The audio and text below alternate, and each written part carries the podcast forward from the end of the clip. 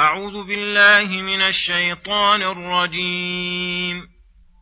فاعلم أنه لا إله إلا الله واستغفر لذنبك وللمؤمنين والمؤمنات. والله يعلم متقلبكم ومثواكم. ويقول الذين آمنوا لولا نزلت سورة فإذا أنزلت سورة محكمة وذكر فيها القتال رأيت الذين في قلوبهم مرض ينظرون إليك رأيت الذين في قلوبهم مرض ينظرون إليك نظر المغشي عليه من الموت فأولى لهم طاعة وقول معروف فإذا عزم الأمر فلو صدقوا الله لكان خيرا لهم فهل عسيتم إن توليتم أن تفسدوا في الأرض وتقطعوا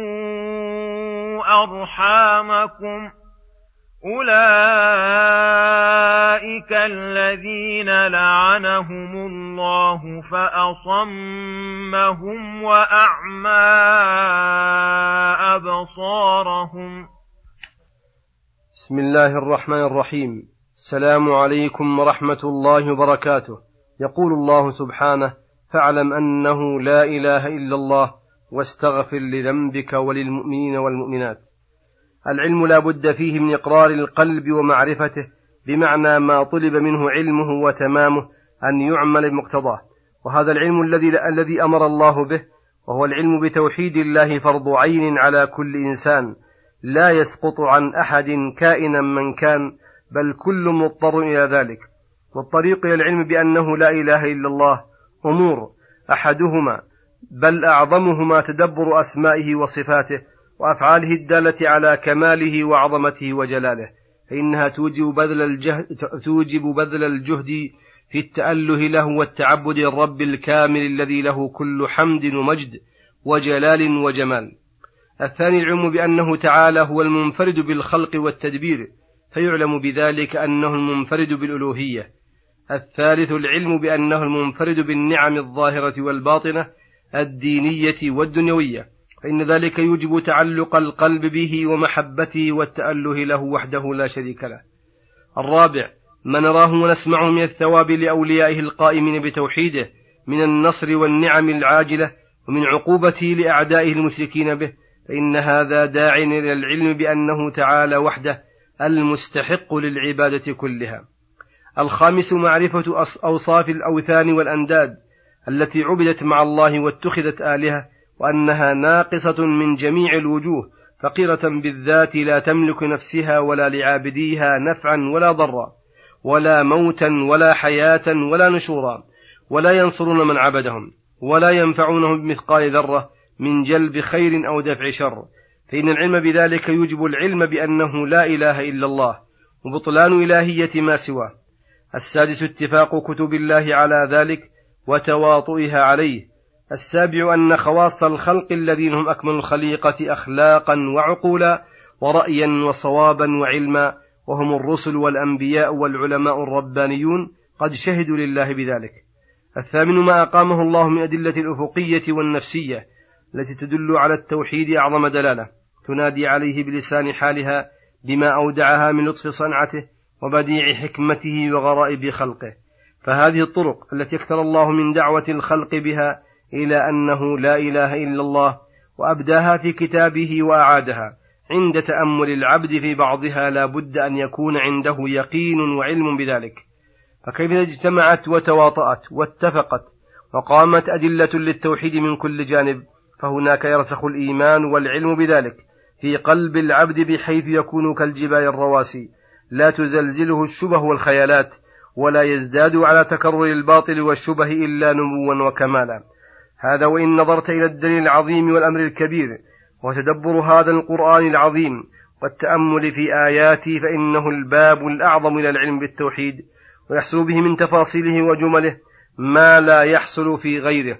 وقوله واستغفر ذنبك أي اطلب من الله المغفرة لذنبك بأن تفعل أسباب المغفرة من التوبة والدعاء بالمغفرة والحسنات الماحية وترك الذنوب والعفو عن الجرائم.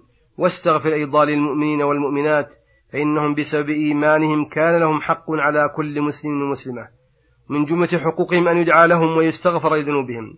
إذا كان مأمورا بالاستغفار لهم المتضمن لإزالة الذنوب وعقوباتها عنهم فإن من لوازم ذلك النصح لهم وأن يحب لهم من الخير ما يحب نفسه ويكره لهم من الشر ما يكره نفسه ويأمرهم بما فيه الخير لهم وينهاهم عما فيه ضررهم. ويعفو عن مساويهم ومعايبهم ويحرص على اجتماعهم اجتماعا تتألف به قلوبهم ويزول ما بينهم من الأحقاد المفضية للمعاداة والشقاق الذي به تكثر ذنوبهم ومعاصيهم. والله يعلم متقلبكم أي تصرفاتكم وحركاتكم وذهابكم ومجيئكم. ومثواكم الذي به تستقرون فهو يعلمكم بالحركات والسكنات فيجازيكم على ذلك أتم الجزاء وأوفاه. ثم يقول تعالى ويقول الذين آمنوا استعجالا مبادرة للأوامر الشاقة لولا نزلت سورة أي فيها الأمر بالقتال فإذا أنزلت سورة محكمة أي ملزم العمل بها وذكر فيها القتال الذي هو أشق شيء عن النفوس لم يثبت ضعفاء الإيمان. على امتثال هذه الأوامر ولهذا قال رأيت الذين في قلوبهم مرض ينظرون إليك نظر المغشي عليه من الموت من كراهة ذلك وشدة عليهم. وهذا كقوله تعالى ألم تر إلى الذين قيل لهم كفوا أيديكم وأقيموا الصلاة وآتوا الزكاة فلما كتب عليهم القتال إذا فريق منهم يخشون الناس كخشية الله أو أشد خشية. ثم ندبهم تعالى إلى ما هو الأليق بحالهم فقال فأولى لهم طاعة وقول معروف أي فأولى لهم أن يمتثلوا الأمر الحاضر المحتم عليهم ويجمعوا عليه هممهم ولا يطلبوا أن يشرع لهم ما هو شاق عليهم وليفرحوا بعافية الله تعالى وعفوه. فإذا عزم الأمر أي جاءهم أمر جد وأمر حت وأمر محتم فلو صدقوا الله في هذه الحال بالاستعانة به وبذل الجهد في امتثاله لكان خيرا لهم من حالهم الأولى وذلك من وجوه منها أن العبد ناقص من كل وجه لا قدرة له إلا إن عانه الله فلا يطلب زيادة على ما هو قائم بصدده منها أنه إذا تعلقت نفسه بالمستقبل ضعف عن العمل بوظيفة وقته الحاضر وبوظيفة المستقبل. أما الحال فلأن الهمة انتقت عنه إلى غيره والعمل تبع للهمة. وأما المستقبل فإنه لا يجيء حتى تفتر الهمة عن نشاطها فلا يعان عليه. ومنها أن العبد المؤمل المؤمل المستقبل للآمال المستقبلة مع كسله عن عمل الوقت الحاضر شبيه بالمتألي الذي يجزم بقدرته على ما يستقبل من أموره فأحرى به أن يخذل ولا يقوم بما هم به وتوعد نفسه عليه. فالذي ينبغي أن يجمع العبد أن يجمع العبد همه وفكرته ونشاطه على وقته الحاضر ويؤدي وظيفته بحسب قدرته. ثم كلما جاء وقت استقبله بنشاط وهمة عالية مجتمعة غير متفرقة مستعينا بربه في ذلك. فهذا أحرى بالتوفيق والتسديد في جميع أموره. ثم ذكر تعالى المتولي عن طاعة ربه وأنه لا يتولى إلى خير بل إلى شر فقال هل عسيتم إن توليتم أن تفسدوا في الأرض وتقطعوا أرحامكم؟ أي فهما أمران إما التزام لطاعة الله وامتثال لأوامره فثم الخير والرشد والفلاح وإما الإعراض عن ذلك والتولي عن طاعة الله فما ثم إلا الفساد في الأرض بالعمل بالمعاصي وقطيعة أرحام.